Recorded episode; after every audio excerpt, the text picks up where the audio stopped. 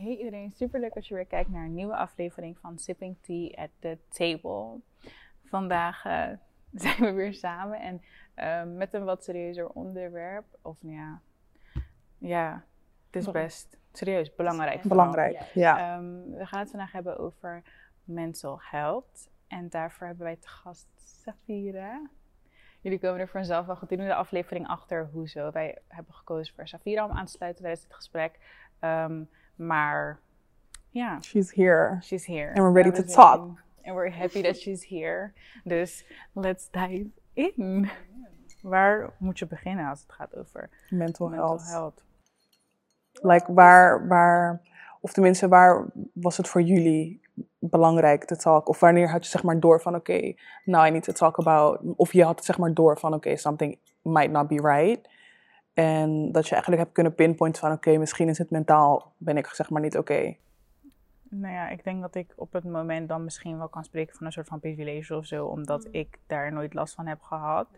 Ik zelf heb nooit het idee gehad dat ik ehm mental niet helemaal goed ben of echt issues daarmee heb. Ik heb nooit echt met mezelf gestrokkeld op dat gebied. Ik denk dat de struggles die ik met mezelf heb gehad meer ergens anders lagen dan ehm, bij dat ik mental health issues zou hebben of iets. Dus dat heb ik gelukkig nooit gehad. Ik weet wel heel goed aan mezelf te voelen wanneer ehm, iets gewoon niet meer goed is voor mij. En wanneer ik dat ook gewoon moet afsluiten, waardoor ik niet dicht bij dat punt kom waarvan je denkt van oké, nu breek ik of nu ehm, gaat het gewoon echt fout. Maar ik denk dat mental health meer mentale welgesteldheid, dan heb, denk ik meer aan that point where you can, zeg maar, in, sowieso in black culture is het niet per se normaal. Of werd je niet per se op, opgevoed met het idee dat mental health ergens van uit moest maken. Ergens iets van uit moest maken.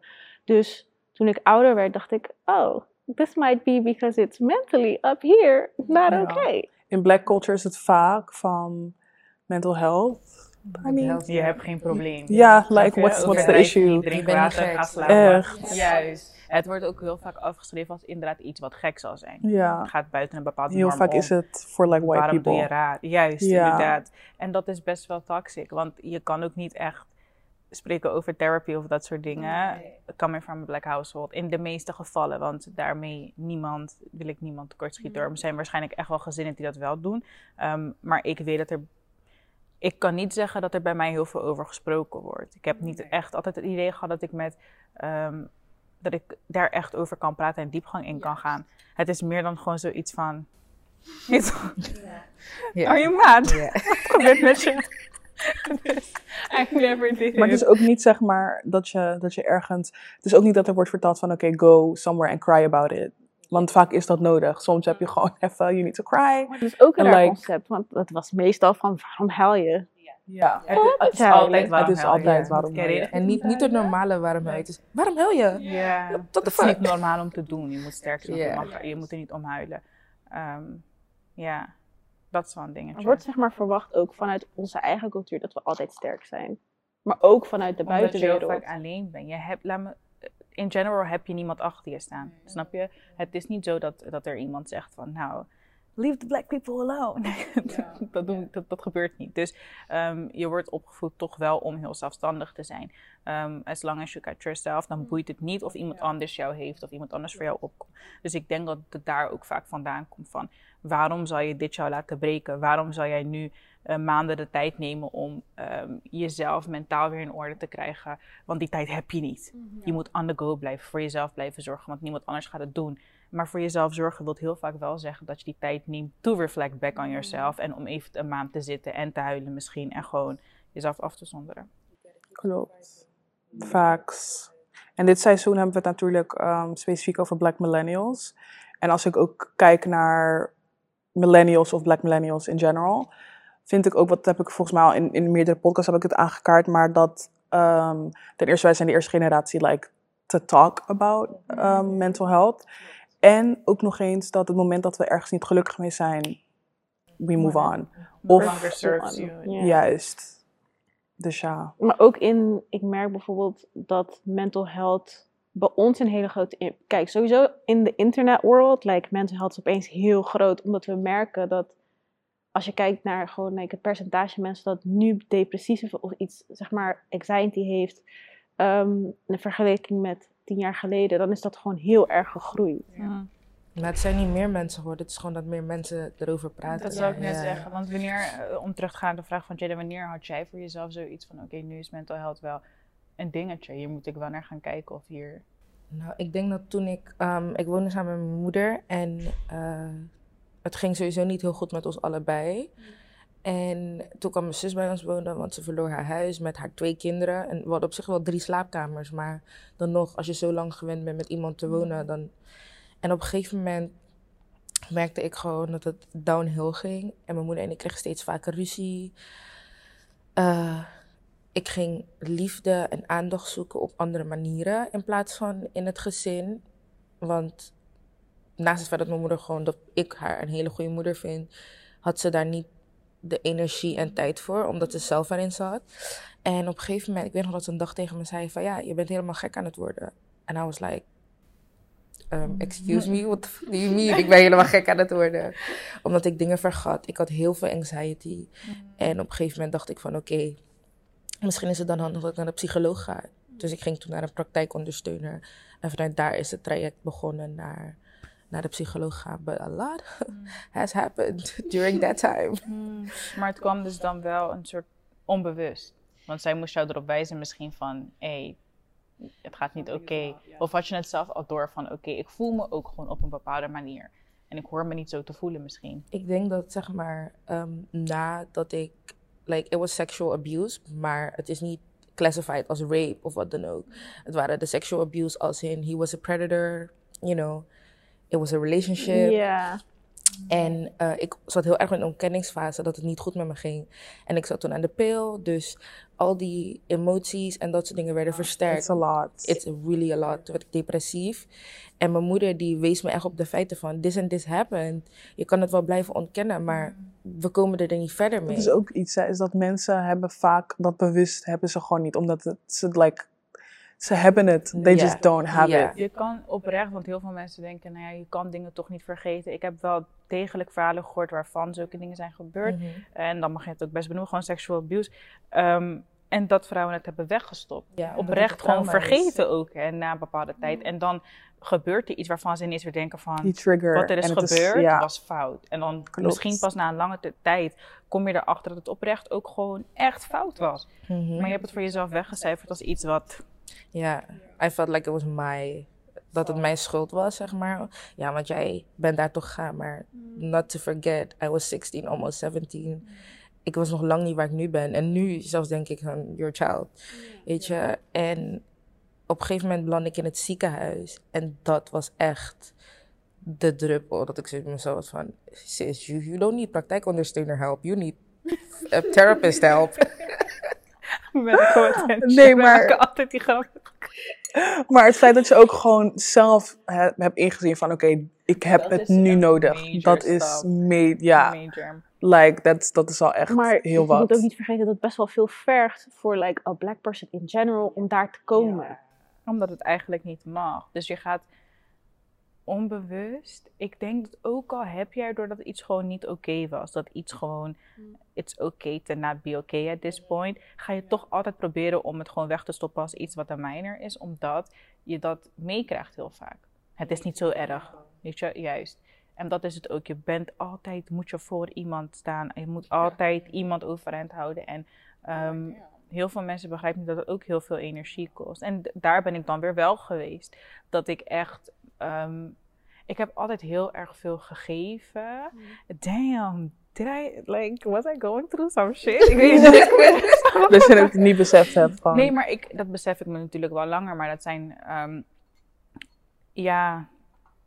Ehm, het- laat me zo zeggen, op een gegeven moment ben ik er wel achter gekomen van oké, tot hier niet verder. Ik ben altijd de persoon geweest die voor iedereen rent, behalve voor zichzelf.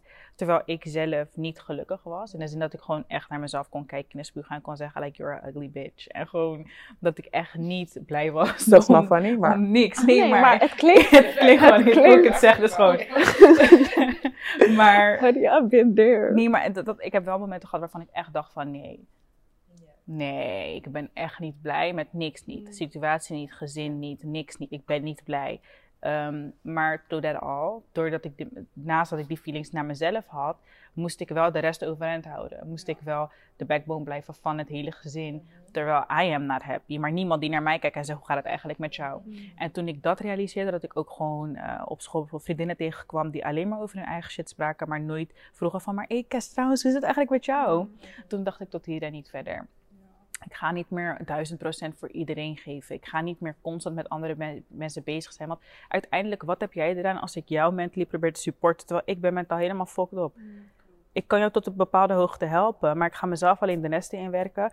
En uiteindelijk gaat het jou misschien ook helemaal niet zo helpen, snap je? En Want het is eigenlijk alleen maar baggage. Like, Mhm. Ik denk Ik dat, dat het sowieso in nature zeg maar, bij ons erin zit dat je heel graag voor mensen wil zorgen. Ook als vrouw zijn. ja. En daarna nog als zwarte vrouw, omdat je in de geschiedenis altijd voor iedereen hebt moeten zorgen. Het was niet een keuze, weet je wel. It's in our blood. To get the fuck out. nee, want at the end of the day, you're always giving more, snap je? En dat merk ik ook gewoon. But like, veel black men ook. Je ge- geeft altijd heel erg veel. Terwijl als je kijkt, hoeveel komen er dan voor jou op? Weet je, hoeveel zijn echt aan jouw kant? Ehm, en dat is zwaar, maar ik denk dat dat niet per se gaat veranderen. Maar in het kader van mental health, zoals jij al zei, jij zei van eh, het gebeurt nu vaker, maar ik denk dat het gewoon meer. Ehm, er wordt over gesproken. Jongeren zijn ook niet meer zo van, oh, mijn moeder zegt ik mag geen mental health issues hebben, dan is er niks aan de hand. We zijn nu op zo'n punt waarvan we zeggen, honey, I'm sorry to disappoint you, maar I am fucked up. I am, ja. I need my help. Nee, want ik hoor steeds vaker, ook bij mensen die gewoon bekende mensen en ehm, ook gewoon bij heel veel mensen, dat ze gewoon wel echt een psycholoog zien. Dat ze echt met mensen in gesprek gaan. En niet eens omdat ze helemaal downhill gaan, maar omdat ze gewoon het gevoel hebben van ik heb behoefte aan praten met iemand, waar- waardoor ik erachter kan komen wat mijn trauma's zijn, want ik heb bepaalde toxic traits. Waar komt het vandaan? Want het komt wel degelijk ergens vandaan. En ik ben blij om te zien dat het vaker gebeurt. Klopt. Misschien echt een super raar voorbeeld hoor. Maar ik was laatst, like, ik denk drie, vier dagen geleden, was ik eh, op Instagram was ik aan het eh, scrollen tussen eh, oude filmpjes van Jersey Shore. En ehm, in een van die seizoenen, Vinny, like the nicest person on the whole show, die ehm, gaat die uitleggen van hij is gewoon niet, niet blij en hij is heel. En ik ken dat seizoen ken ik echt van. Jersey Shore ken ik van like, begin tot eind. zijn nooit opgevallen En dan, nee, maar dat is het. Is dat, toen ging ik, ehm, is dat hij was heel sad en niemand begreep het. Dus natuurlijk, je zit in een huis met allemaal mensen en hij ging ook vaker praten van, ehm, is dat hij ging bijvoorbeeld niet uit en dan vroegen ze zich af van, maar waarom precies? En toen ging ik in die comments en toen las, had een meisje, die had, het was echt de enige, want die ging echt verder scoren, maar was één persoon die zei van eh, het feit dat hij, dat is, ik denk dat het in 2012, 13, Mhm. dat hij zeg maar op tv daarover sprak, toen zei ze van dat het toen al gebeurde, was gewoon bizar. Want nu, toen was het, toen like it was non-existent. En nu is het steeds, en hij is een van de eerste gewoon op tv geweest die gewoon heeft gezegd van, yo, ik ben echt gewoon niet oké. Een reality TV. Ja, man. Daar echt. moet je echt doen alsof alles helemaal Echt, perfect gewoon, is. precies, alsof alles, ja. Maar hij is altijd zo'n guy geweest die zeg maar op het moment dat het niet goed met hem ging, dat hij... Hij voelt zich hoe hij zich voelt. Ja, juist, ja. juist. En daarom konden hij en Polly het altijd heel goed met elkaar vinden. Ja. Want- rustig. Rustig. Een persoon die daar wel Ja. Hij was wel de Maar ik vond het zo raar dat, ja, dat inderdaad dat het gewoon bijna Ja, gewoon niet ik kan, Ik voorkwam. kan zulke dingen ook echt niet herinneren. Ik kan me niet nu Ik terugdenken. zag dat niet op dat moment. Nee, Maar ja, als je jong bent. Je bent jonger, jong, dus je- ja. Dat Je ik zag dat niet. Well, I was going through it, honey. Honestly. Want hoe oud was ik dan? 12 of zo. I was going through Ja, maar dat is, nee, maar dat is ook een periode. Dan ben je, ga je de- Je, naar gaat, de je komt puberteit. En En dan dat like, echt fijn. dan, ja. Ik, ik heb het gehaald, zeg maar, met mijn intellect. Weet je wel, je bent intelligent. En dan heb ik het gehaald tot een leeftijd of 12. En then it was like, oké, and now other things are starting to pop up. En ik weet niet hoe ik hiermee om moet gaan. Want normaal kan ik het oplossen met een som. And now, you know, I'm getting my period. I don't know how to handle en this. Klopt. Je moet je emotions gebruiken. En als je niet hebt geleerd hoe je dat moet doen, Ja. Dan wordt het heel moeilijk. Heel veel mensen begrijpen niet. Hè? Want er wordt altijd gezegd, ja, je moet er gewoon over... Als er iets is, zeg het gewoon. Of iets. Als ik het zeg tegen... Als je het zegt in een black household, gaat je moeder je gewoon aankijken en zeggen... Ben je echt aan het klagen? Hoe je zag een video laatst. You're trying to... What, what are you trying to do this? Are you telling me that I'm it? Snap je? En dat is, we lachen erom. En gelukkig heb ik dat niet zo, zo meegemaakt. Maar het is wel vaak zo dat als jij iemand moet aanspreken... Althans, als, als wij erover praten bijvoorbeeld... Van, ehm, En als ik zeg, zeg het gewoon tegen je moeder. Dan hebben we altijd zo'n moment waarvan we denken, dat is automatisch disrespect of zo. Ja, Als jij zegt van ma, Maar dat Ik zeggen ze zo door ook. jou. Dat zeggen ze ook. Ja. En dat zorgt er wel voor dat jij niet weet. Want er wordt tegen jou gezegd, praat over je emoties. Kom naar me toe en vertel gewoon hoe het zit. Als ik dat doe, sis, we're having a problem. Dus dan praat ik niet over mijn emoties, krop ik het op. Maar als jij het opkropt, je bent nog steeds een mens van vlees en bloed. Dus uiteindelijk komt het eruit. Bij de een gaat dat, There's komt er be in één keer trigger. uit en dat is het. Maar aan de andere kant kan het ook gewoon super slecht gaan, snap je? Iedereen lost dat emotioneel anders op. Maar ik zie heel vaak zie tweets daarover. Is dat, ehm, ik denk dat jullie allemaal dat, dat filmpje hebben gezien. Van, I'm depressed, go depressed and vicious. van dat jongetje die like, hij gaat koken en like, ik kreeg echt stress. I'm not Oh, gonna dat lie. ging koken en Die hij lijkt- pakte steeds, zeg Nee, maar... Zo'n kleine jongen ging met zijn oma of zo cake maken of weet ik veel wat. En dan bleef gewoon alles wat ze in je... Dus je hebt gewoon een kom en daarin zit je boter, flour, weet ik veel wat. Alles wat ze erin zetten, ging hij met zijn handen de hele tijd in zijn mond stoppen. Maar Ze moest echt echt moeite doen om hem, echt. zeg maar... Ja, want kinderen hebben echt heftige kracht. Hè. Maar hij ging te dust om gewoon boter te kauwen en zo. En ik was zo boos. En heel veel mensen reactie was, is toch een kind? Laat me jullie vertellen, als ik dat had geprobeerd te doen.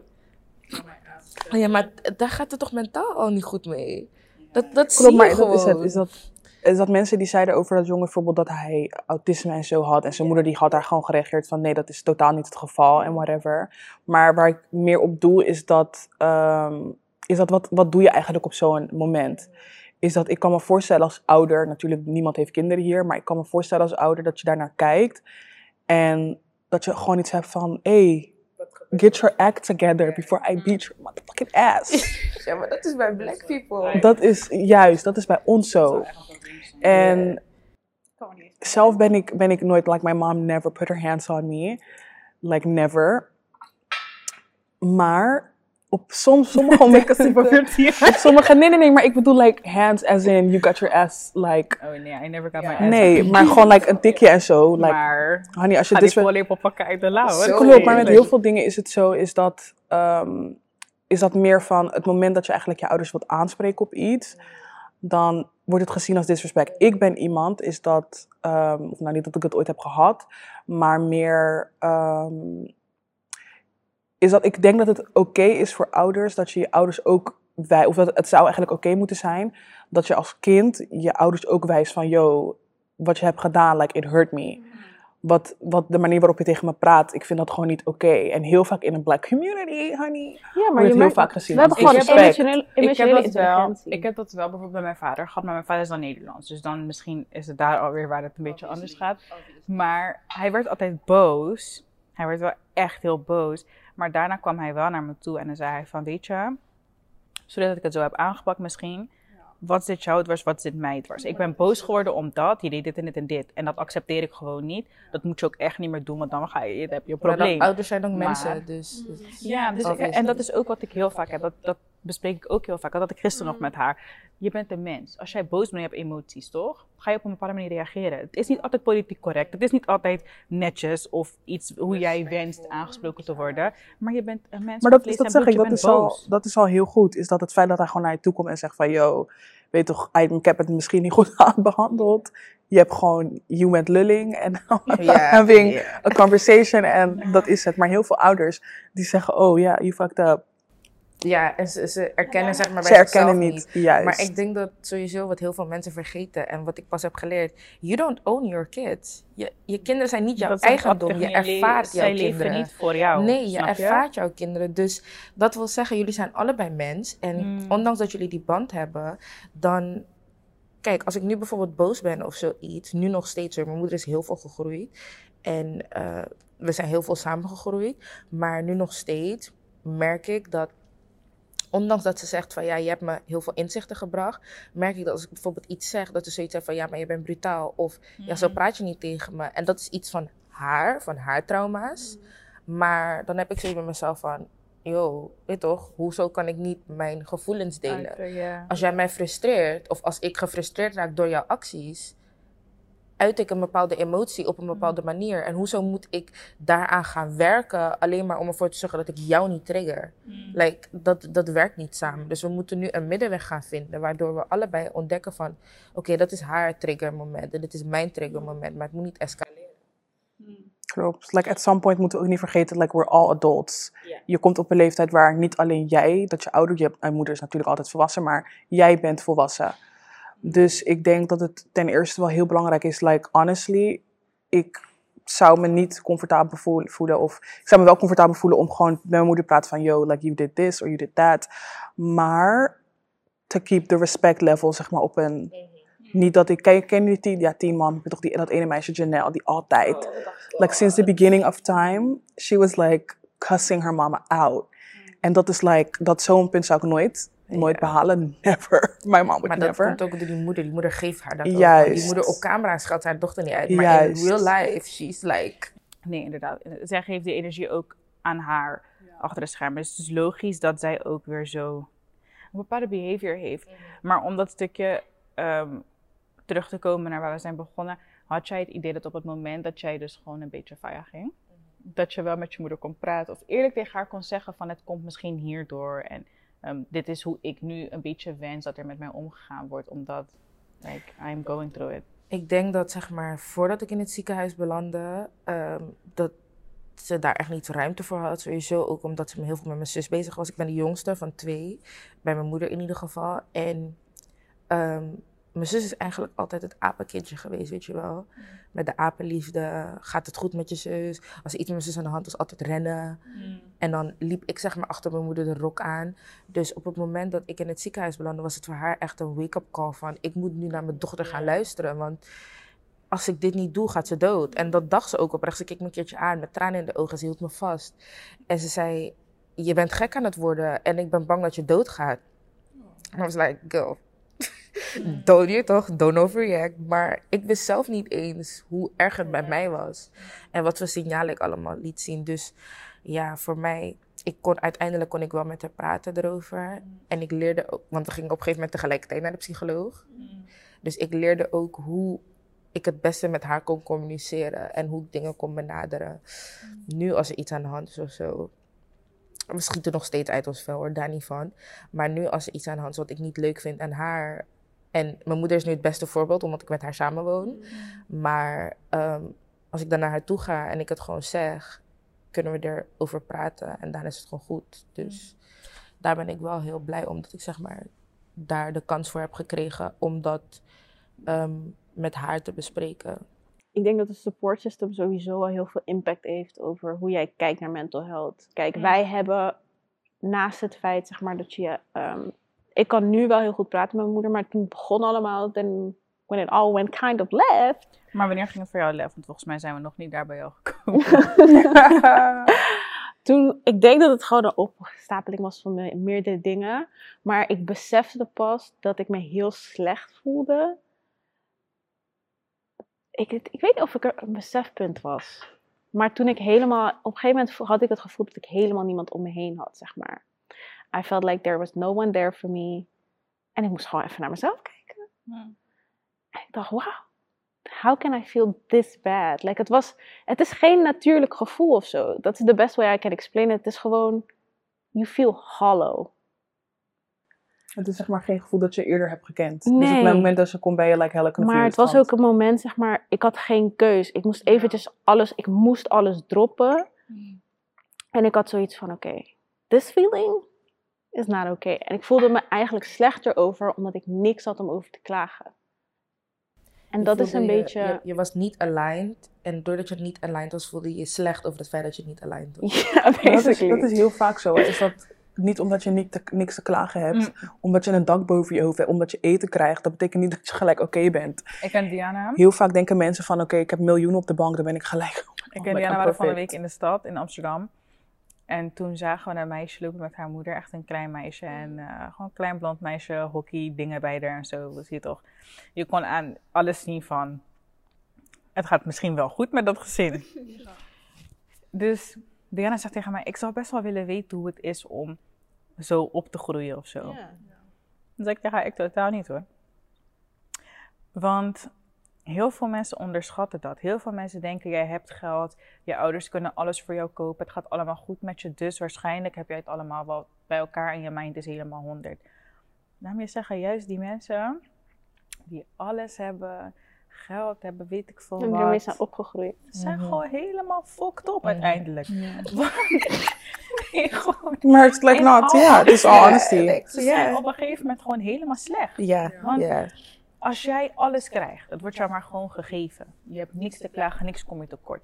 Elke kleine obstakel is voor jou een major Mhm. obstakel. Mhm. Dat moet je niet vergeten. Dus jij hebt veel meer ehm, om je uiteindelijk druk over te Ja. maken. En als je ouders daar niet, zich daar niet bewust van zijn en daar niet mee bezig zijn. Ja. Want zodra je iets zelf moet gaan doen, gaat jouw mind zeggen, huh, hoe bedoel je? Ja. Sis, je hebt nog nooit zoveel inspanning gehad. Ja. Ik had het heel erg dat ik dat merkte toen ik naar het MBO ging. Dat mensen het bijvoorbeeld raar vonden dat ik was, ik werd 18, of ik was al 18 eh, toen het MBO ging. Maar mensen vonden het raar dat ik mijn eigen eh, zorgverzekering betaalde. Toen dacht ik, huh? En mensen zeiden gewoon, ja, totdat ik uit huis ga, totdat ik uit huis ga, dan betaal, vinden mijn ouders gewoon goed. Ik vind het prima. Dat, dat- ik vind het helemaal prima als je dat wilt doen. Maar like, I am trying to, iets wat mijn ouders wel hebben meegegeven, is dat hoe het er nu naar uitziet, like this is the best that's going to get, vooral in Nederland. Op het moment dat je naar, de, naar buiten gaat en je you get your house together, you get your car, everything, huisje, boompje, beetje, dan gaan er dingen, gaan je tegenkomen dat je denkt van, huh? Like what? What is this? ik heb het zeg maar nooit gezien bij mijn ouders. Precies, en ik ben niet iemand like, I don't accept any handout whatsoever. Dus het feit dat mensen gewoon echt raar vonden dat ik mijn eigen zorgverzekering betaalde, like, what, what are you even talking about? Ja, Ja, ik wou net zeggen, je moet gewoon voor jezelf kunnen zorgen. Ik denk juist dat op het moment dat jij nooit iets voor jezelf hoeft te doen, dat het heel zwaar voor jou wordt. Ja, op een gegeven moment, in ja. 2020 en in Nederland. ja. denk je dat al die jongeren drugsverslaafd Dat wil ik net zeggen. Ja. Het zijn juist die mensen die nooit iets hebben hoeven te doen, die alles hebben gekregen. Klopt. Ehm, ik denk dat op het moment dat je het wat zwaarder hebt gehad, of niet alles hebt gekregen, of gewoon wat genoegen moest nemen met minder, dat jij alles waardeert. Snap je? En niet per se. ehm, je kan ook genieten en je geniet meer. Snap je? Als je hebt gewerkt en je hebt gespaard en je kan op vakantie of iets doen. Je gaat het meer waarderen dan dat je elk weekend weg bent. Maar ik denk sowieso ook dat ook al heb je ouders heel veel geld, als jij hebt geleerd van je ouders wat gratitude is. En ik weet nog dat toen wij in Suriname woonden, mijn ouders hadden hun eigen bedrijf. En het ging gewoon super goed toen ze nog met elkaar waren. En ik weet nog dat mijn moeder thuis kwam met, like, ze kocht altijd goud en weet ik veel wat dan ook. En ze kwam thuis met paarse vlinderoorbelletjes van de Chinees. En I was over the moon. Ik heb die dingen gedragen totdat het hele paarse ding eruit viel. en ik weet nog dat ze tegen me zei van... Ik weet niet of je het doorhoudt, maar toen hadden we helemaal niet zoveel geld meer. Dus ik wilde iets leuks voor je kopen, maar ik kon me niet iets heel duurs veroorloven. En ik keek haar aan en ik zei tegen haar, I never... Ik heb nog nooit zoiets gehad van... Ik, ben, ik was er niet dankbaar voor, omdat je me dat hebt geleerd. Dus ook al heb je heel veel geld, ook al heb je weinig Je moet dat juist. Je moet daar wel op, op aansturen. Je moet wel laten zien. eh, en dat, ik heb het nooit slecht gehad. Maar ik bedoel van. ehm, ik heb wel altijd geweten dat ik mijn best moet doen om iets te krijgen. En dat wat ik krijg, dat mijn ouders daar ook hun best voor hebben moeten doen. Het is niet komen vallen uit de, toch, uit de lucht. En we hebben niet zomaar eh, miljoenen of zo, totaal niet. Dus alles wat ik krijg, alles wat ik heb, daar moet voor gewerkt worden. En daarom waardeer ik dat ook gewoon wel. Maar ik denk dat bij mij zeg maar die waardering zeg maar heel erg leek op ondankbaarheid. Dat gevoel van als jij zeg maar mentaal niet oké bent en je hebt wel terwijl je hebt alles en je bent ook echt dankbaar voor alles wat je hebt, Ja. dan wil je voor jezelf uitzoeken like where the fuck did it go wrong to be to be here? Hoe, ha- hoe ben ik hier beland, zeg maar? En ik denk dat het vanaf dat punt heel moeilijk is om daaruit te kruipen, omdat als jij niemand om je heen hebt die, die je daarin begrijpt, of niemand waarin je- when you would confide in, vooral als je alleen bent, dan is dat heel moeilijk om daar weer, zeg maar, om dat weer te accepteren dat het oké is dat je mentaal niet helemaal oké bent. Zeg maar, it's Mm. okay not to be okay, but who gonna tell you that? En hoe weet je, zeg maar, weet je nu ongeveer waar aan het heeft gelegen dat je... Ik denk dat het op dat moment gewoon heel veel dingen waren. Zoals ik al zei, dat het opstapeling was. Maar ik denk ook dat het komt door het feit dat ik nog nooit, tot dat punt, nooit door heb gehad dat ik mentaal niet, oh, zeg maar, dat ik me, me- mentaal heel erg, ik ben heel erg like nitpicky. Ik kan mezelf heel erg de grond inwerken. Um, en ik denk dat ik dat altijd al heb gedaan. Maar ik dacht van ja, it made me better. Dus waarom zou ik er, het is niet erg. En dan, als jij dan invloed hebt van buiten, die um, aangeven van ja, je moet zo zijn, of je moet dit zijn, of je moet dat zijn. En je bent van jezelf al heel nitpicky. Ja, eigenlijk onzeker. Maar dat, voor mij was het gewoon van, ik ben gewoon streng voor mezelf. En dan kom je erachter dat je eigenlijk wel onzeker bent en dat je bepaalde dingen voelt en dat je gewoon echt, like, dat dingen echt wel effect op je hebben. Bijvoorbeeld, hoe, ik kwam erachter dat ik wel nadacht over hoe mensen naar mij kijken en dat effect dat hoe ik naar mezelf keek. Ik vond mezelf te dik en als ik dit deed, dan was ik weer te. Je weet toch? Dat ik, ik vond mezelf lelijk. Dat zijn allemaal dingen die er nu nog steeds in zitten, maar ik kan er makkelijker van zeggen van. Je moet de snap out of it. Ja, dat heb ik, ik heb echt moeten leren dat niemand van me gaat houden als ik niet van mezelf hou. Want ik, dat is zoals ik zeg, ik heb wel momenten gehad dat ik echt naar mezelf keek en dacht, yeah. oh my god, hide yourself. Nee. nee, maar dat ik wel bij mezelf dacht van nee. Ik weet nog echt heel goed, ik weet niet meer wie dat had, maar iemand had zo'n, echt years ago had iemand zo'n plaatje van um, 1 tot en met de 100 of zo, wat vind je mooi aan jezelf? En had je allemaal dingetjes van je uiterlijk. En dan moest je zeg maar kiezen wat van die dingen je mooi vond aan jezelf of zo. Dat ik er naar keek en echt gewoon zei van, honey, nothing. Want, omdat mijn moeder een keer tegen me, ja, mijn moeder, mijn moeder vroeg een keer aan mij, mijn moeder woont in Amerika. En ik was op vakantie, toen vroeg ze aan mij van, uh, wat vind je mooi aan jezelf? En like, without lying, ik heb echt naar haar gekeken en ik dacht, wow, what the fuck? ik vind gewoon niks mooi aan mezelf. En alles wat ik had, probeerde ik zeg maar een beetje te veranderen. Bijvoorbeeld mijn haar losdragen. Dan moest ik eh, vragen aan Jada. Ik ging elke pauze ging mijn haar nat maken. Want ik wilde echt dat mijn haar gewoon een soort van... Weet ik veel. Beach wavy of zo. Ik wilde gewoon een soort van... Het moest altijd langer lijken. En het moest altijd meer krullen. En en ja, maar dat was in. Dat was... Zei, ja, maar dat is niet oké. Het is niet oké. Okay. Dat, waren de tracks vroeger. Nee, maar dat is het. Ten eerste, everybody was tripping. ik, ik, droeg een wave, girl. Everybody was tripping. Dus niemand zou je op dat, vooral nu op die leeftijd, 15, 16, gaat niemand je kunnen uitleggen van, Nee, maar ik had bijvoorbeeld gewoon dat ik tegen haar zei van, ik vind niks mooi. En dan wanneer ik iets opnoemde, was het gewoon echt zoiets doms wimpers of zo. Gewoon zo, maar iets doms. Want ik vond gewoon niks mooi. Ja, maar en toen dacht ik, that's a problem. Het is ook, ja, het is ook That's a problem. Maar nee. hedendaags is het nu, heb ik dat niet. Like, I'm a bad bitch. maar, well, nu toch zonder grapjes.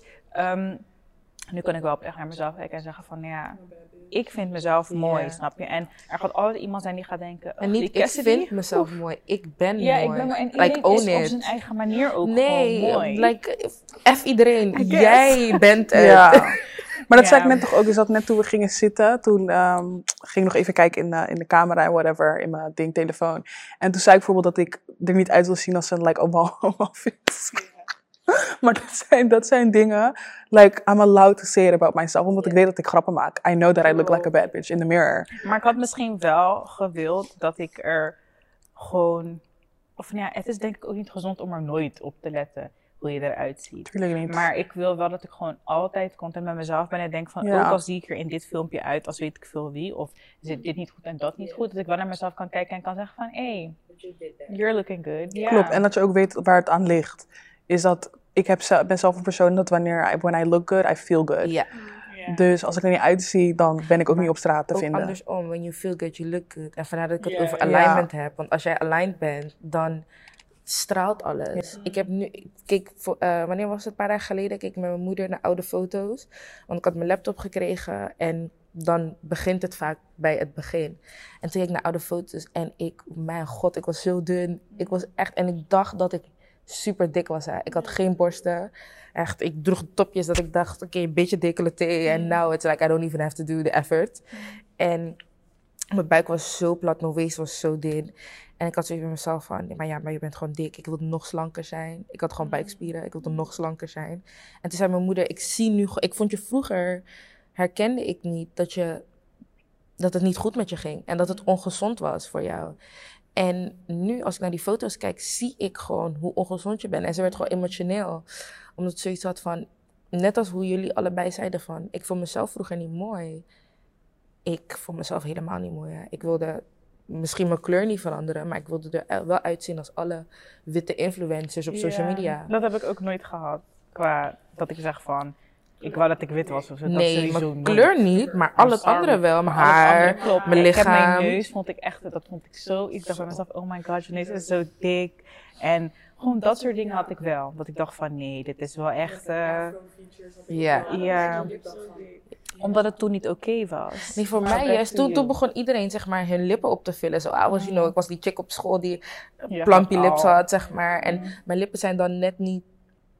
Ze zijn precies ertussenin. Tussen de Afrocentric en de, like, de Euro, eh, European beauty standards. Dus... Maar nu heb ik zoiets bij mezelf van... Ik vind die two-tone vind ik bijvoorbeeld helemaal geweldig. En dat is echt iets Afrocentrics. Maar ik denk dat sowieso mental health... We're not gonna get into that. Ja. Ehm, maar hoe moet ik het zeggen? Ik denk dat black mental health, zeg maar, dat dat heel belangrijk is in onze society nu, hoe we alles net hebben benoemd, met ehm, body positivity, met eh, eh, gewoon hoe je zeg maar staat in het leven, de opvoeding. Ik heb nu ook gemerkt dat seksualiteit iets heel belangrijks is, waardoor je mental health beïnvloed wordt. En dat allemaal. Iemand zei laatst van iedereen, like every black person has PTSD. Op wat voor manier dan ook. Definitely. ja, ik denk Op wat voor ja. manier dan ook.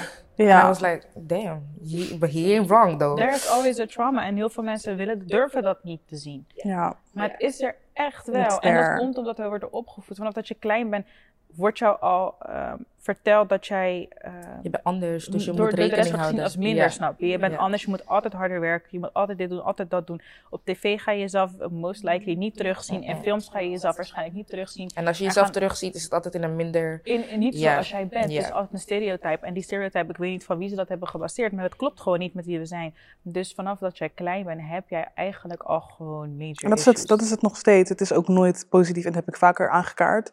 Is dat ik ben nu zeg maar wel klaar een beetje met die, die slavery films. Ja.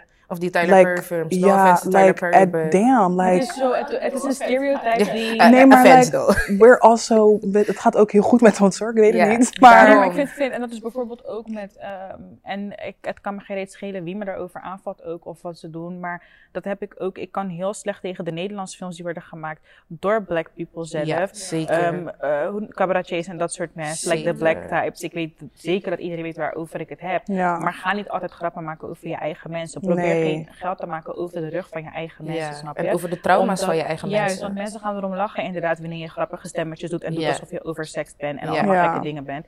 Maar dat is wel hoe ze ons zagen. dat was toch die, eh, die rare film, die ehm, alleen maar nette mensen. Ja. Bijvoorbeeld. Ja. Weird. Maar ik heb dat ook met dingen als, als, als typetjes en zulke Ja. dingen. Va- Op wat baseer jij dat? Want kijk naar En hoe duur is de mensen suiker ook. Kijk naar die film. Die film is, tot- ik heb het boek gelezen. Dat boek is geschreven door een echte Surinaamse vrouw. En zij is dan een mix tussen een boeroe en like, eh, eh, een zwarte Surinamer. En ze was laatst was ze op zo'n eh, programma waarbij ze echt... She was like kind of cussing out Caucasian people, maar tegelijkertijd ook weer niet. Want ze zei ja, en dan in Suriname gaven wij geld aan die arme Nederlandse kindertjes. En zij heeft dat boek geschreven. En ze heeft dat boek met een hele waarheid geschreven. Want ze heeft ook gewoon goede bronnen. En als ik naar die film kijk, dan denk ik... This doesn't come close to the book. Want jullie zijn nu alleen maar het stereotype. Wat ik merk is dat mensen vaak, en ik vind dat we daar best wel meer aandacht aan mogen schenken ook.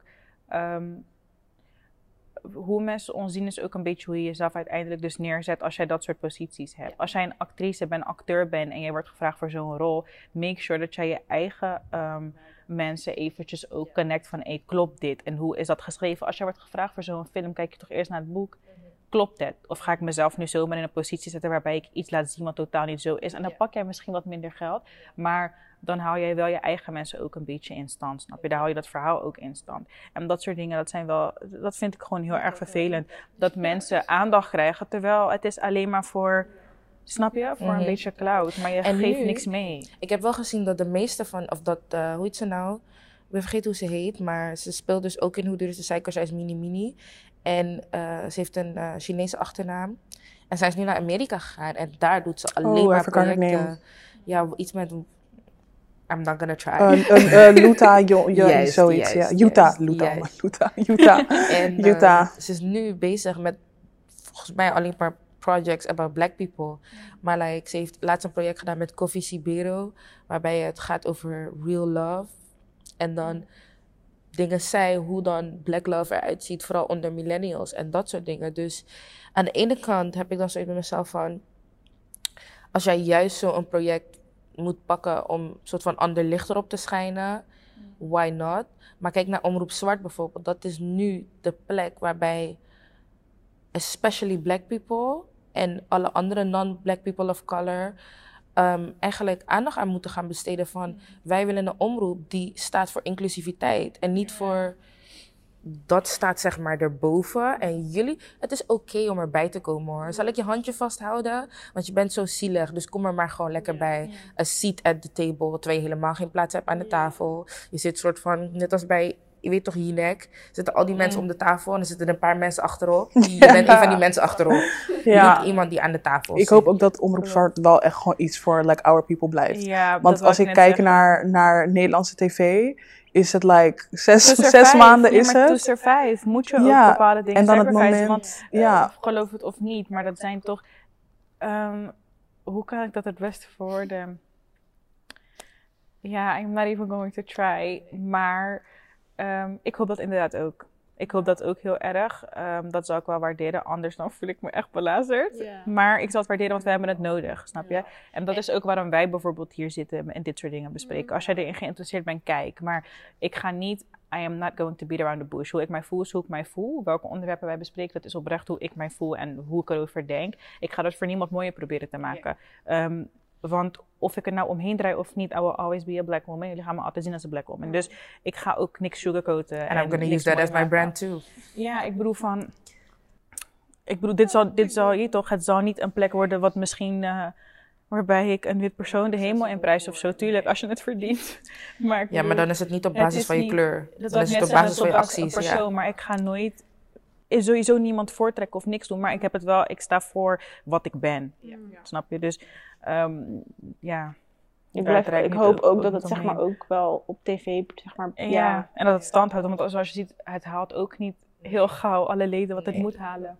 Terwijl Dat het is vind ik wel jammer. nodig hebben. Dat vind ik wel jammer, because it's like um, support, first of all, support your people. Dus echt steun ze. En daarnaast, ik, heb ook het, ik keek gisteren naar Jinek en ik, ik raakte een beetje geïrriteerd, omdat ik het gevoel had dat ze, naast het feit dat ze de vragen stelde die de andere witte mensen eh, eh, zouden stellen, om hem soort van een beeld van hem te creëren, vond ik ook wel dat ze een beetje te veel in haar rol opging.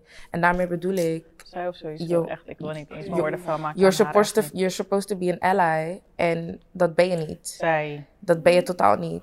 En Ik ben die hele zwarte piet niet vergeten hoor. nee, zeker niet. En vandaar dat ik zoiets bij mezelf heb van... Ik hoop dat, inderdaad wat jullie zeggen... Ik hoop dat het, een- dat het stand houdt en dat het ook voor ons blijft. Maar ik hoop ook dat het altijd, alle tijden voor inclusiviteit blijft staan. En dat mensen erkennen dat zwart de basiskleur is... en dat alle kleuren daaruit voortvloeien. En niet andersom. Niet alle kleuren maken zwart. Nee, zwart is de basiskleur. En daar vloeit... Waarom is het heelal zwart? Explain that to me. Oké dan. She's like, go think about it. Period. Go look it up, honey. Read about it. Nee, maar om terug te gaan naar het onderwerp. ehm, mental health. Ja, gaf bijvoorbeeld aan dat je eh, daardoor wel ehm, eh, liefde ging zoeken in, in andere dingen. En dat daar resulteerde wel uit dat je dus eh, te maken had met seksueel abuse bijvoorbeeld. Ehm, jullie gaven ook aan dat het heel vaak ook gewoon kan liggen op zeg maar ehm, relationele sfeer. Dus zeg maar ook familie, maar ook gewoon, snap je, het is wel, je moet een band met iemand hebben alvorens jouw emoties daar überhaupt mee te maken krijgen. Maar hoe neem je dat mee in relaties, zeg maar? Hoe neem je, want we weten bijvoorbeeld, dat hebben we ook in het vorige seizoen besproken, dat jij ook niet altijd ehm 100 met jezelf, gewoon zeg maar dat het 100% stabiel is. Dat je gewoon elke dag voel je je goed. En dat is niemand. Nee. Want ik ben het niet. Ik weet niet of de rest dat heeft, maar dan zijn wij misschien niemand. niemand is Maar- ik denk dat dat ook de kunst is van eh, gelukkig zijn. Erkennen dat je niet altijd even Geluk- gelukkig juist. bent als een ander moment. Maar hoe neem jij dat mee in... Hoe neem jij dat bijvoorbeeld mee in relaties? Ik denk dat zeg maar vooral om mijn laatste eh, situationship. Ehm, nou, waarbij ik zeg maar eh, stabieler was dan dat hij was. En ik ga er niet te veel woorden aan vuil maken, because, you know, ik heb een paar dingen uitgevonden en 1 plus 1 is zeker geen 2 op dit moment. Maar goed, Ehm, eh, ik ben er zeg maar achter gekomen dat je bijvoorbeeld heel veel met anxiety kampt en met onzekerheden. Als je dan zeg maar depressie als een soort van ehm, addiction, echt als een verslaving. Dus als je het eenmaal hebt gehad, zijn er van die kleine triggers die ervoor kunnen zorgen dat je terugbelandt, zeg maar. En eh, ik merk dan dat er in relaties op zich, dat je ook gewoon mensen aantrekt die niet gezond voor jou zijn. Als jij niet op een gezonde I've heard that before. ja, Ja. precies. Als jij niet op een gezonde plek bent in je leven, dan you are gonna attract the right people. En dat gaat ervoor zorgen dat je of nog meer in je gat belandt, of dat je realiseert wat er aan de hand is. Dus to be fair, ik ben 20 nu. I am working on myself. En ik heb nog nooit een gezonde relatie gehad. Maar het is ook niet erg. Like, you're- je, niet je erg, bent pas jong. 20. Ja, ja. Dus ja. Any same. I'm two years older. Same. Ja, at maar ja, we're all still very young. En als het gebeurt, gebeurt het. En het, ja, het gaat zeker niet elke keer goed verlopen. Ehm, en ja, maar inderdaad, ik denk dat je kan nooit 100% gelukkig zijn. Maar ik weet wel dat ik elke dag aan mezelf werk. Werk, En dat is het belangrijkste, denk ik. Zeker het belangrijkste. Wat betreft relaties, denk ik dat je in een relatie echt jezelf gaat tegenkomen. Als je in een gezonde relatie bent, ga je echt jezelf tegenkomen.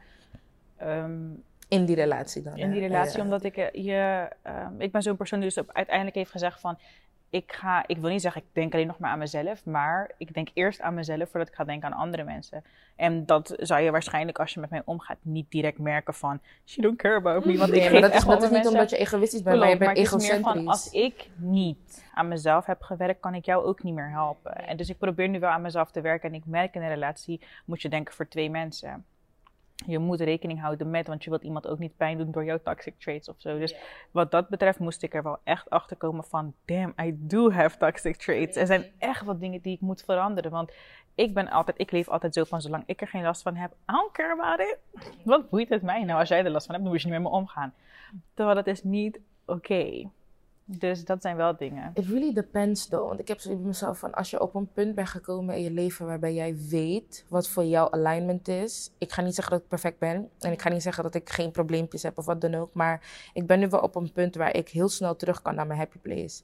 En het gaat niet even makkelijk altijd, maar I can. Dus waar, wat je net zegt, als iemand daar problemen mee heeft, that's a you problem. It's really not a me problem. Sowieso. En ik denk in grote lijnen ook echt inderdaad wel. Want ehm, sowieso, ik ben wie ik ben en ik ben content met mezelf. Ik vind dit prima hoe ik ben. En, ehm, maar er zijn kleine dingen waarmee ik en mezelf pijn kan doen op, op lange termijn. Of ehm, waar, waar ik uiteindelijk zelf ook wat mee te maken heb.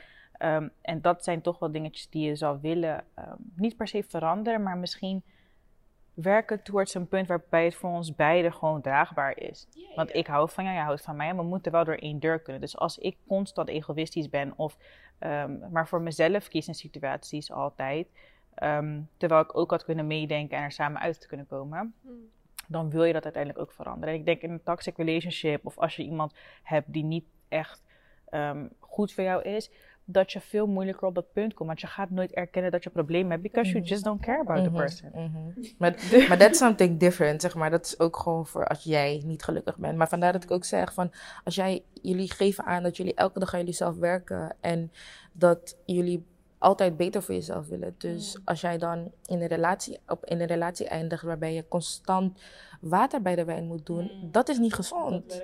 Weet je, het is, we moeten een middenweg vinden en we moeten daarvan uit samen groeien. En niet, jij staat daar en dan moet ik constant moet ik aanvullen alleen maar om bij jou te komen. It's not gonna Nee, je- ik denk ook niet dat je, je, ik denk dat je onbewust ook niet echt wil dat het werkt. Nee. Because you're like, ik denk ook dat het moment dat je beide gewoon merkt van, oké, we- we're, like, we're toxic in this thing together. Dat je gewoon niet zegt van, oké, dit, is die, dit is zeg maar, juist, dit is zeg maar die purpose van, oké, ja, let's just be toxic. En het moment dat je, of dat je, je hebt onbewust, je hebt natuurlijk niet door van, oké, ehm, ja, je kan er geen tijd aan plakken natuurlijk, maar het moment dat je eruit zit, denk ik wel dat je het besef hebt van, oké, dit was gewoon, ja, dit was die purpose. Die purpose is nu kwijt. Dat nu is die person weer out of my life. sowieso. Ik denk dat je nooit iets overkomt wat je niet kan overwinnen, Nee. snap je? Ehm, iedereen heeft zijn, everybody's fighting their own demons. Sowieso, iedereen maakt zijn eigen dingen mee. Maar ten eerste gebeurt iets jou nooit zonder dat het jou een message gaat geven. Je gaat altijd achteraf denken van, oh, nu heb ik dit geleerd. Of het, het heeft me daar gebracht.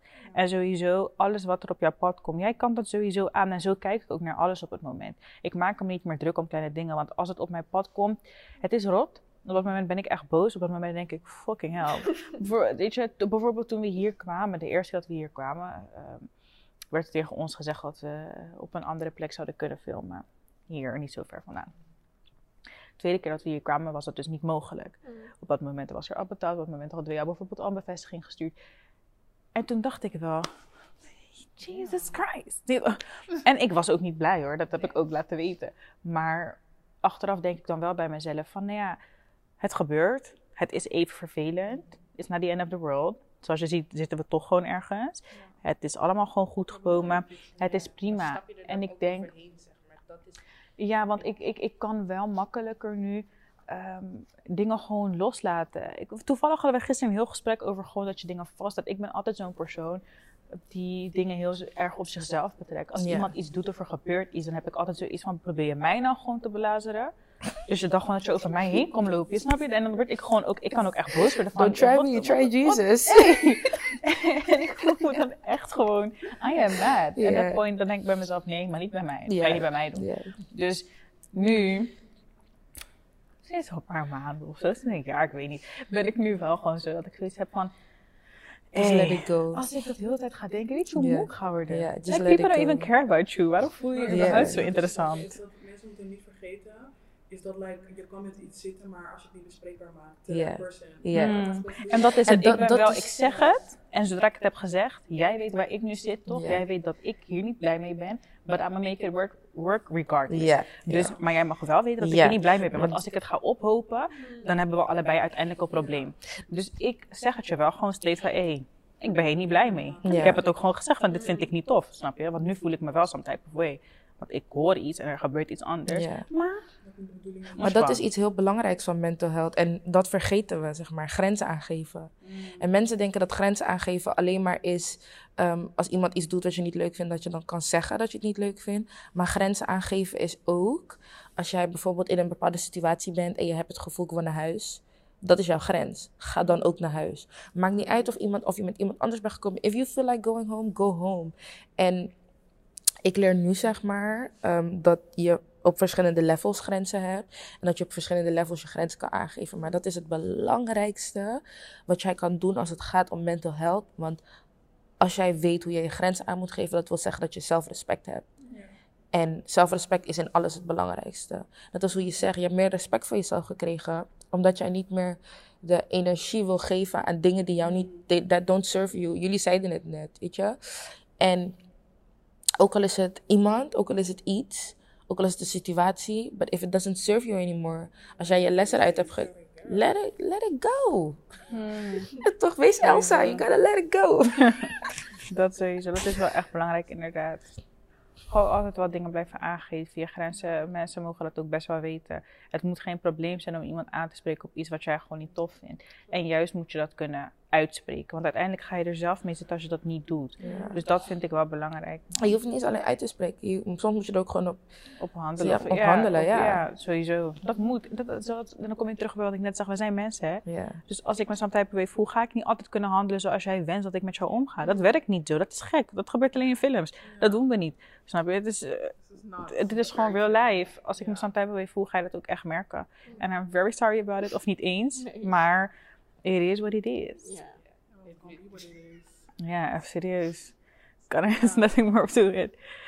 maar mental health. Een stukje waar ik wel benieuwd naar ben, want je hebt uiteindelijk in het ziekenhuis gelegen. Ehm, eh, je hebt dus gewoon een psycholoog gehad. Heb jij het gevoel, en dan echt in het kader, like being a black millennial, dat men jou begreep, ook als vrouw zijnde? Ten eerste, ik ga gewoon weer een nieuw traject beginnen.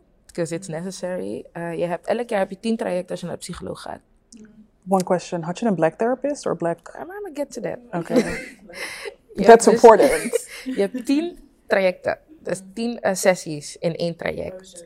En eh, dat is per jaar dus. En dan zit je eigenlijk over je dingen heen. Maar je hebt natuurlijk nog je eigen risico. Dus als het nodig is, dan kan je daar gewoon gebruik van maken. Maar oké.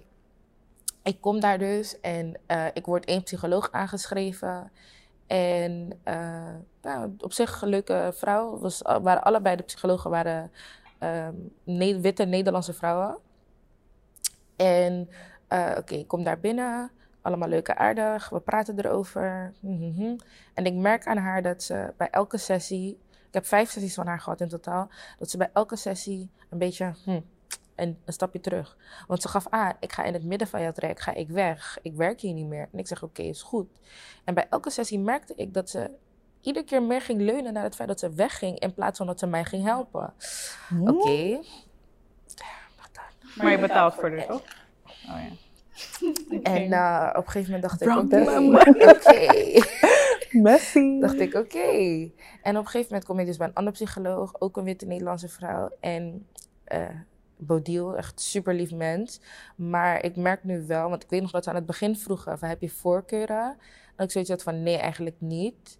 Weet je, omdat je zoiets hebt van, ja, ik ga gewoon naar iemand om me te helpen. En iemand die objectief erin staat. Maar ik weet nu wel weer dat ik, als ze dat vragen, dat het of die ene laatste vrouw is, of een zwarte therapist. Like, there's no in between. Ik wil of Bodil, want Bodil kon het feit dat ik zwart ben, zeg maar, die problemen die ik daarmee had of heb, kon zij, ehm, daar besteden zij aandacht aan. Dat is En belangrijk, ze- want heel veel gaan het proberen Ik ja, zie geen weg te werken. Ja. Terwijl ze er issue, juist aandacht aan besteden. Want ze gaf ook aan van je, je bent een zwarte vrouw, je hebt bepaalde problemen. En die hangen gewoon aan het feit dat je zwart bent. Dus we gaan het op een manier aanpakken waarbij ik niet ga kijken naar hoe ik in het leven sta. Maar ik ga kijken naar hoe jij in het leven staat en wat jouw wereld voor je betekent. Kan je me daar ook uitleg bij geven?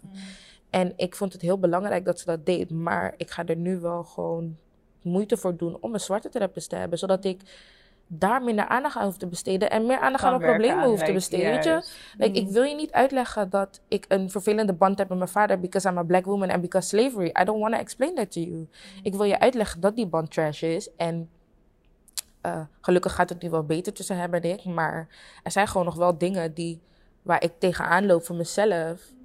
En die een, een, een gevolg zijn van de dingen die hij, de handelingen die hij ooit heeft eh, gepleegd. Maar het is zeker belangrijk om als black millennial, als je naar therapie gaat, een, een zwarte eh, psycholoog te hebben. Want ten eerste representatie en ten tweede understanding, comprehension. Ja, Weet je? je kan het kan wel hem- horen, maar je gaat het niet begrijpen. Juist. Nee, je kan niet exact. voelen wat ik voel. Ja, En het is ja. heel moeilijk om een gevoel uit te drukken. Ja, Ja. ja. En je kan ook niet werken aan like, getting better als je constant iemand moet educaten Ja. uiteindelijk. Ja. Snap je? Want dat, daar, daar kom je niet. Ja. En er zijn ook bepaalde daarvoor. keuzes die wij maken die compleet afhangen van het feit dat we zwart zijn. Hmm. Er zijn zoveel keuzes dat ik echt bij mezelf zoiets heb van... Like, zeg maar, niet dat een andere bevolkingsgroep dit niet zou hebben gedaan... of een andere etniciteit dit niet zou hebben gedaan... maar niet op de manier zoals ik het heb gedaan. Weet je? Die liefde zoeken bij een man omdat ik die liefde niet van mijn vader heb gehad. Dat is iets wat voornamelijk in de black community voorkomt. En natuurlijk, andere etniciteiten hebben daar ook problemen van. Maar in wat voor man ga ik dan die liefde zoeken? En weet je, wat voor relatie creëer ik dan voor mezelf? Is het een relatie die lijkt op een relatie die mijn ouders hebben gehad? Of die ik op tv heb gezien? Maar ik zie mezelf natuurlijk niet op tv. Dus hoe kan ik weten wat voor relatie ik moet hebben? Conflicting, ja. Dus vandaar. Ja. Ik heb een vraagje voor jullie. Ehm, Look at me, big really? als het gaat om zeg maar eh, anxiety en personal development. ehm, dus hoe je vanuit je anxiety naar die personal development bent gegaan. Hoe pakken jullie het aan? Zeg maar? Zijn jullie spiritueel of hangt het Very bepaalde- spiritual. Oh. Ja, tenminste voor anxiety. Ik kan me herinneren dat ik denk ik één keer in mijn leven echt anxiety heb gehad. En dat was ehm, op mijn 16e verjaardag. Ehm, weet ik nog dat, het, kijk, het moment dat de aandacht heel erg op mij is, like I was a child. En ehm, in ieder geval, toen ik, ja, toen ik 16 was, toen ehm, of ja, ik werd 16 en like I had a whole birthday party en dat ben, ben ik niet gewend. Like I'm not a party person. Op mijn verjaardag moet ik gewoon, weet toch, ik moet gewoon geld en cadeautjes krijgen en dan like I'm good. En ik had voor de eerste keer had ik like a whole, a whole thing ervan gemaakt. Ik dacht, oké, okay, je wordt één keer zes, like Sweet 16, like let's do it, like, weet toch, MTV-programma. En ik weet dat ik denk ik om de vijf minuten gewoon naar de wc ging. Omdat um, ik vond het heel erg dat mijn vader er niet bij kon zijn, omdat hij toen in Suriname woonde. En dat ik gewoon zoveel aandacht op mezelf had, is dat mensen dachten echt gewoon, ja, ik moet niet naar de wc. Maar ik kon gewoon oprecht, kon ik gewoon niet ademen. En wat ik ging doen, ik ging zeg maar naar de wc en ik ging voor de spiegel staan. En ik ging gewoon steeds inademen, gewoon echt tot tien tellen, kan ik me ook nog herinneren. En dat, ik weet nog dat ik er steeds uitkwam dat mensen zeiden van, maar waar, where did you go? En toen dacht ik, bitch, ja, yeah, het wc. En dan like make-up en whatever. But no, honey, ik moest gewoon echt, ik, ik, I was just not. Ik moest gewoon echt gewoon steeds van, oké, calm the fuck down before you pass the fuck out. En um, qua self-development, um, ik ben gewoon altijd iemand geweest, ja, ik ben gewoon heel erg op mezelf. Ja. Ik heb mijn familie, mijn vrienden en als ik, of mijn vriendinnen, en um, mijn broer en mijn zus, ja, like two of them. En dan mijn zus, dus drie mensen eigenlijk. Same. En dan, um, ik zeg maar, ik ben altijd een, een, persoon geweest die, ik kan me er wel van, ik zeg maar, I don't take things too, too deep. Mhm. het, het moment dat er iets aan de hand is, dan heb ik zoiets van, oh ja, I can, I can handle this. Maar komt dat dan doordat je spiritueel bent, zeg maar? Heel, ik ben... En hoe, hoe in ik ben nogal spiritueel opgevoed, tenminste uh, uh, half. Is dat ik ben in de kerk opgevoed. Uh, maar van jongs af aan kon ik me gewoon echt niet vinden in de kerk. Ik ga en ik, ik, ik, I just don't. Die connection die mensen hebben, bijvoorbeeld, dat ze helemaal like, they feel God, dat heb ik gewoon echt oprecht niet. Nee, ik geloof inderdaad wel dat er, nee, totaal ja. niet. Ik geloof natuurlijk wel dat er like een person is. Of het een man is, highly doubt it. Als je dat gelooft, that's on you. Maar ik geloof meer like dat het. Um, en ik weet nog dat um, toen mijn ouders uit elkaar gingen, is dat mijn moeder um, heel erg, zich heel erg kon vinden in spirituality. En dat zij, het moment dat zij dingen ging zien, toen was ik, ik denk rond 7, 8 was ik. En dat zij, ze ging lezen en ze ging, en het was, ging boeken The Secret ging ze ik, lezen. Ik zeggen, en boeken van Louise Hay. Ik kan, ik kan je leven helen. Ik kan, like, yeah. I still remember those books. She still has them. En dat ze gewoon iets had van, hé, hey, weet je toch, ik ben tien jaar samen geweest met een man. Like, it was fucking horrible. En um, ja, it, it was horrible, honey. En um, dat ze gewoon zoiets had van, oké, okay, nu is het zeg maar my time. En het moment dat zij zoiets had van, weet toch, alles wat, ik, wat negatief, wat ik aantrek, wat negatief is, it's going to stay negative. En het moment dat ik positief aantrek, dan alles wat ik denk, it, it just gotta be positive. En toen, ja, rond ik eigenlijk mijn acht, negende, ben ik me daarin gaan verdiepen. En like, to this day, honey, it's only energy and it's only positive. And, ja. The MVP. You're the real MVP. You started early with that. Ja, best wel. Not at all. Ik weet niet wat ik ben. Ik ben dat ook niet, man. Ik heb ik heb niet echt een idee, zeg maar, I know that as a person I've developed. Als ik kijk naar hoe ik, hoe ik ja, was als 17-jarige versus now, I'm a lot more open. Ik ben veel minder bang voor bepaalde dingen, because I was a very anxious person at 17. Like, ik durfde niks. Look at Cassidy working her magic on your yeah. life. I gotta give credit where credit is due, you know. Maar ik weet niet of het, zeg maar, ik denk dat het meer is dat ik mezelf heb ontwikkeld in de sense of dat ik het heel graag wilde. Want I was sick and tired of like feeling the way I felt. En ik kan het niet echt pinpointen of het te maken heeft met uh, spiritual. Of ik denk gewoon dat ik het gekoppeld heb aan een gevoel. En ik wist dat ik dat niet meer wou. Ja. Maar ja, had ik al I have no clue. Ja, nee, maar ik denk sowieso, ook voor mij tenminste, ik ben wel altijd spiritueel opgevoed. Dus mijn moeder, uh, ik ben protestants gedoopt, rooms-katholiek, uh, uh, heb ik communie gedaan en vormsel. Maar mijn moeder is sowieso altijd bezig geweest met kruiden.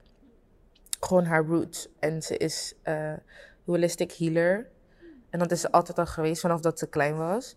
Dus we call ourselves witches. Weet toch? Voor de mensen die luisteren, kijken, my bad. Um, maar ik denk dat voor mij pas nadat ik dus zeg maar net als jou, ik wist ook niet wat, wat er aan de hand was. En hoe, of wat, ik was niet eens bezig met wat er daarboven of... Anyways, waar het is, ik was er niet mee bezig. En ik denk dat pas daarna dat nadat ik een beetje mezelf heb eh, opgepakt en tot mijn senses ben gekomen, dat ik pas daarna into spirituality ben gegaan, zeg maar. Echt into de dingen die mijn moeder vroeger altijd deed. Dus ja, voor mij is het ook pas daarna gekomen. Dus wie weet komt dat gevoel van waar vind jij alignment in en hoe ben je ermee bezig, zeg maar. How do you honor yourself?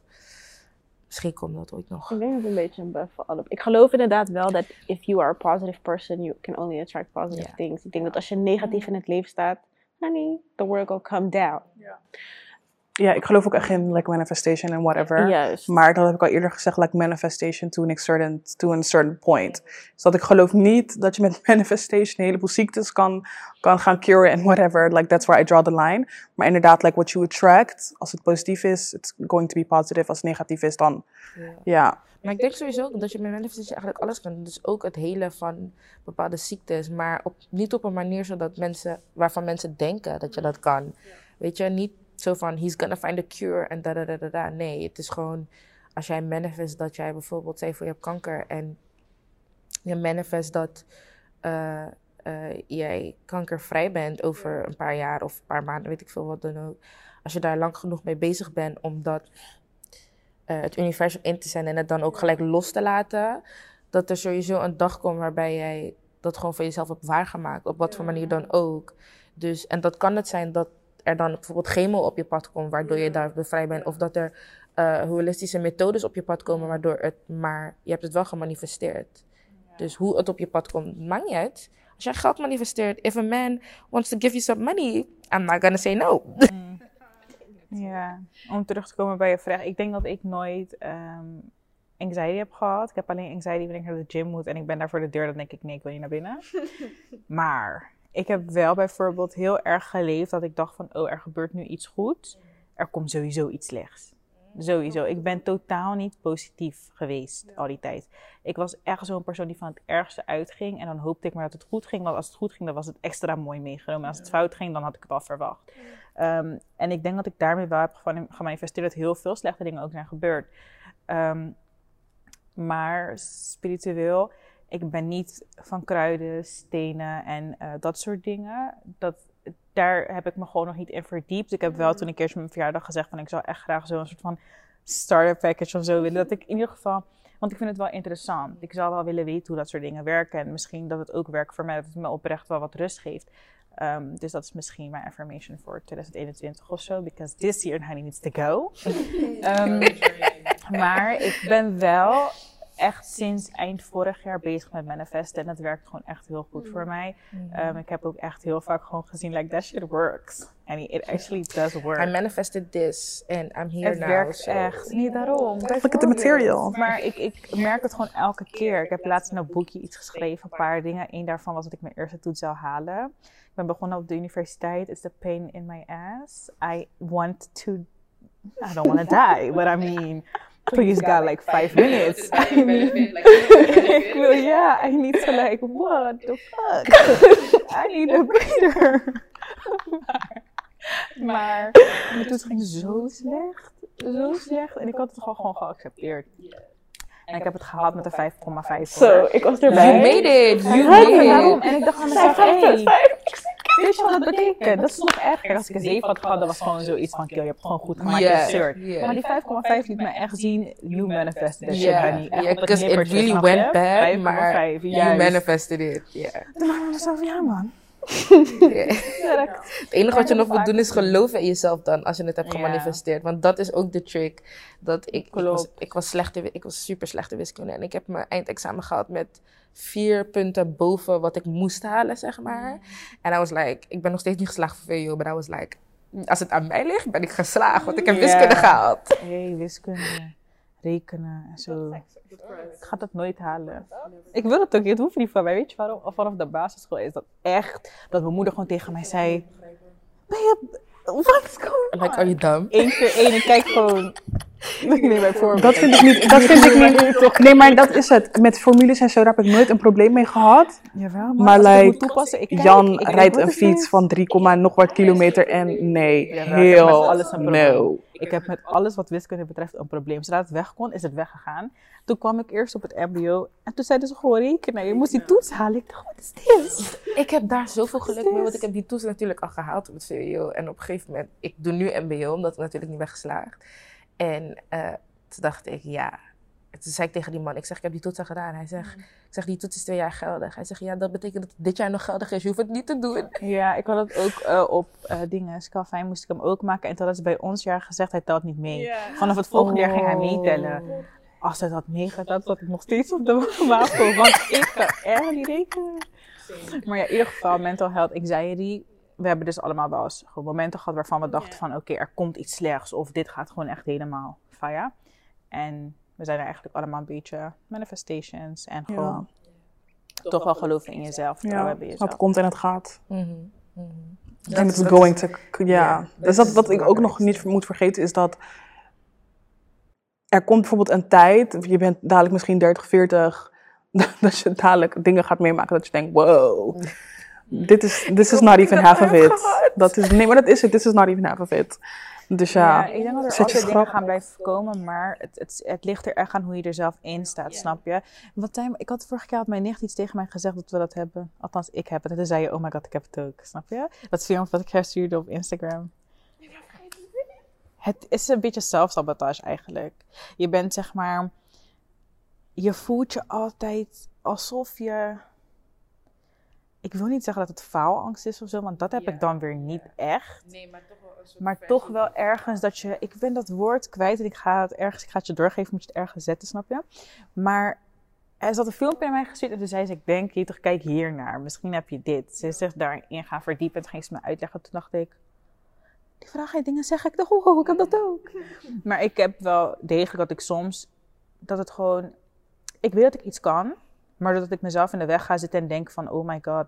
Ik denk ook van bijvoorbeeld de universiteit ik heb nu weet iedereen dat ik op, eh, dat ik, eh, op Erasmus studeer. Oké, wat als eh, het niet lukt? Dan gaat iedereen denken dat ik een dommie ben of zo. Snap je? Zulke, zulke gevoelens heb ik dan heel vaak. Van, het voelt alsof ik mezelf faal ten eerste, maar ook heel veel andere mensen faal. Want dan ben ik maar gewoon dat, dat kind die ging naar universiteit en ze haalden het niet. Oh my god. Dus daarom, ik zeg altijd tegen mezelf, en dat is, weet je wat het is? Ik kan niet geloven dat ik het niet haal. En dat, wat dat betreft geloof ik echt in mezelf om met bepaalde dingen. Want ik heb altijd gezegd, ik heb nog nooit tegen jullie gezegd, ik zou het niet kunnen. Ik heb altijd gezegd, ik heb er geen zin in. Want ik ben eigenlijk echt klaar met school en ik vind het gewoon vervelend. Maar ik heb nooit gezegd dat ik het niet kan. Ik heb altijd gezegd, ik weet 100% zeker dat ik het sowieso kan halen. Ik weet het ook gewoon 100% zeker. Maar je gaat het niet halen als je niet leert bijvoorbeeld. Snap je? Je moet wel ook echt werken ernaar. Dus dat is een beetje een dingetje. Maar om het allemaal een beetje af te ronden, wat zou je als advies geven aan bijvoorbeeld een 15, 16-jarig meisje dat er. She's going through it. Ah, dan moet ik even terugdenken aan mezelf toen ik 15, 16 was. Ehm, ja, find someone to talk about it. Ga op zoek naar iemand waarvan je zoiets hebt van, weet je, voice your... En ik weet dat het heel moeilijk is, vooral als zo'n jong meisje, en especially if you're black.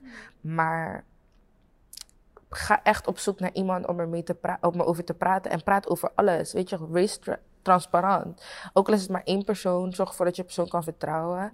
En wees transparant. Want alleen met transparantie kom je, zeg maar, kan je er overheen komen. Of kunnen mensen je oprecht helpen daarmee.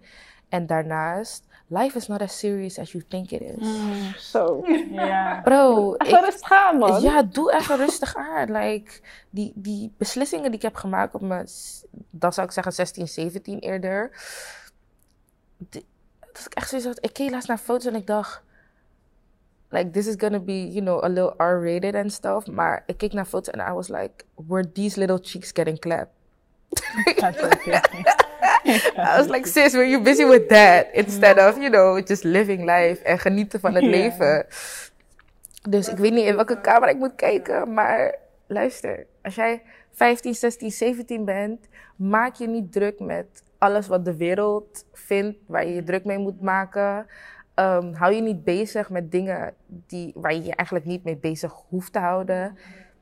For example, je hoeft nog geen seks te hebben. It's okay to be a virgin if you're 25. Dat is echt wel oké. En je hoeft niet eh, al die dingen te kopen die je vriendinnen ook hebben als je het geld daar niet voor hebt. En ook al heb je het geld daarvoor, als je ze niet leuk vindt, hoef je ze niet te hebben. Hou je bezig met jezelf. Geniet van het leven. Dat is echt een van de belangrijkste dingen waarvan ik zoiets heb van, you gotta enjoy life. En trouwens, als jij het gevoel hebt dat je bepaalde dingen wil doen of bepaalde dingen wil plaatsen, do it. Hmm. Fuck what everyone thinks. Kan je altijd rekening houden met andere mensen? Ja. Gaat jezelf echt benadelen. En ook gewoon met bijvoorbeeld rekening houden met je ouders of wat dan ook. Dat hoeft niet altijd. Zorg ervoor dat je respect voor jezelf hebt en dat je van jezelf houdt. Maar je hoeft geen rekening te houden met de hele wereld. You don't have to carry the world on your back. Je bent geen atlas. Die mag quote ergens op de... Die quote uh, on haar Instagram. de wereld op je rug te dragen, want je geen atlas. I love Ja. that. Nee, dat is wel iets waar ik me bij aan kan sluiten. Ik denk dat het heel belangrijk is om te weten dat we, het maakt niet uit waar je bent, op een bepaalde leeftijd of op een bepaald moment. Het is oké not to be okay. Het is eh, oké om hulp te zoeken. Het is oké om ehm, te praten erover. Ehm, je moet je vrij voelen daarover. Zoek iemand die je vertrouwt. Als je niemand hebt die je vertrouwt en eh, bijvoorbeeld mij wel vertrouwt. En je kent me niet of je hebt iemand nodig die je ehm, die niet. Ja, weet je, je kan altijd. ehm, er, is, er is altijd iemand die met je kan praten. Iemand die zonder vooroordelen gewoon met jou gaat zitten. Of eh, op een andere manier eh, waar je je hart kan luchten. En dat is ook, ook eigenlijk bijna elke episode sluit. Of bij dit soort onderwerpen aangeeft, heb jij oprecht niemand en wil je wel met iemand praten, kan je altijd een berichtje sturen. En ik vind het niet erg als je het persoonlijk naar mij doet, als je dat door een contactformulier op onze website doet, als je dat eh, bij een van hun doet of gewoon in de stad DM, dan kom je wel weer bij mij. maar dan, weet je, het, het kan altijd en we staan er altijd voor open. En ik vind het echt niet erg om een keer een theetje te gaan drinken wanneer Rutte stops acting the fuck up. En eh, wanneer corona the fuck up. Ehm, vind ik het echt niet erg om een keer af te spreken of iets te doen. Want het is belangrijk om te praten over dingen. Ik heb dat nooit gedaan. Ehm, het is ook moeilijk om dat te doen. Maar je kan het echt beter wel doen. Of in ieder geval proberen. Er zal heel veel weight van je shoulders vallen. Het is oké om af en toe even te huilen en er helemaal doorheen te zitten. Doe Mhm. ik ook. Ik eh, Mhm. heb... ge- ik kende mijn tutor misschien twee dagen en ik heb gehuild in die Zoom-meeting. Ik keek haar aan. Ik zei, mevrouw, I am losing it. Ja, ik kan niet helpen, maar ik, ik word gek. En soms kan je mensen wel ehm, afschrikken daarmee, of dat ze denken van, oh my god. Zij was gewoon heel erg, en that, like mijn tutor, let- let's a black woman. Ehm, dus zij had ook gewoon zoiets van, luister, ik weet niet waarom je zo je toch... Het kwam er gewoon op neer van je hebt dit, sowieso. En het gaat af en toe tegenzitten. En je gaat momenten hebben waarvan je denkt, wat is dit? Hoezo moet ik zo hard rennen? Of waarom gaat het zo moeilijk? Omdat je niet verwacht dat jij moeite voor iets hoeft te doen. Eh, zeg maar, je gaat er sowieso komen, want je kan het. Je bent slim genoeg, je kan het echt wel. Maar je moet een paar dingen voor jezelf gaan veranderen. Bijvoorbeeld plannen of weet ik veel wat. Waardoor het je ook echt lukt. En ja, weet je, je, je kan het echt. Als je, if you put your head through it. Als je eraan kan denken, dan is het voor jou weggelegd en dan kan jij het doen. Maar je moet er wel wat voor doen. Het komt niet zomaar zo zonder obstakels. Want wat denk je dat wij hier zitten zonder dat we through dust moesten gaan om bepaalde dingen voor elkaar te krijgen? Klopt. Ik denk ook wat ook het beste is, vooral als je zo jong bent, is dat laat je ook niet wijsmaken dat de keuze die je dan maakt, like, going to your voor whole life. Oh No, honey. Dus die keuze die, ik, die ze zeiden van, ja, dit moet je echt, moet je nu weten, want anders gaat het helemaal fout. They lied. They lied to all of us. They They're lying to you. Als je het nu hoort, they're lying to you and you need to get out of Dodge. And on that note, Yes, thanks for watching, you guys. Thanks, Safira, for being here. Thanks for sharing. Of een korte wil je gewoon nog een pitch, like do you wanna, want je sprak net over bedrijf en dingen waar je mee bezig bent. Zoals Cassidy net zei, ehm, als je problemen hebt of als er dingen zijn waarover je wil praten, ik heb twee platforms waar je dat kan doen. Je kan mij persoonlijk een bericht sturen of je kan een bericht sturen naar ehm, mijn eh, bedrijfs Instagram-account. En eh, ik ben nu een bedrijf aan het oprichten voor vooral millennials en Generation C, ehm, women of color. En daarmee bedoel ik all-inclusive women, dus ook mensen met een baarmoeder of de mensen zonder een baarmoeder die zich identificeren als vrouw. Ehm, dat platform ben ik nu aan het oprichten. Dus als jij het gevoel hebt dat je ergens over praten of dat je bepaalde dingen, dat je met bepaalde dingen zit en dat er dat je een plek wilt waarbij je jezelf zou willen zijn of kunnen zijn, zou je dat zeker bij mij kunnen doen. Dus stuur me een berichtje als je vragen hebt, als je meer wil weten. Make sure you hit me up. En, Wat zijn de namen van je twee platformen voor de people that are just listening? Eh, nou, ik zit voorlopig nog op Instagram. En eh, mijn persoonlijke Instagram-account is Safira Rieskin. Het Safira Rieskin gewoon.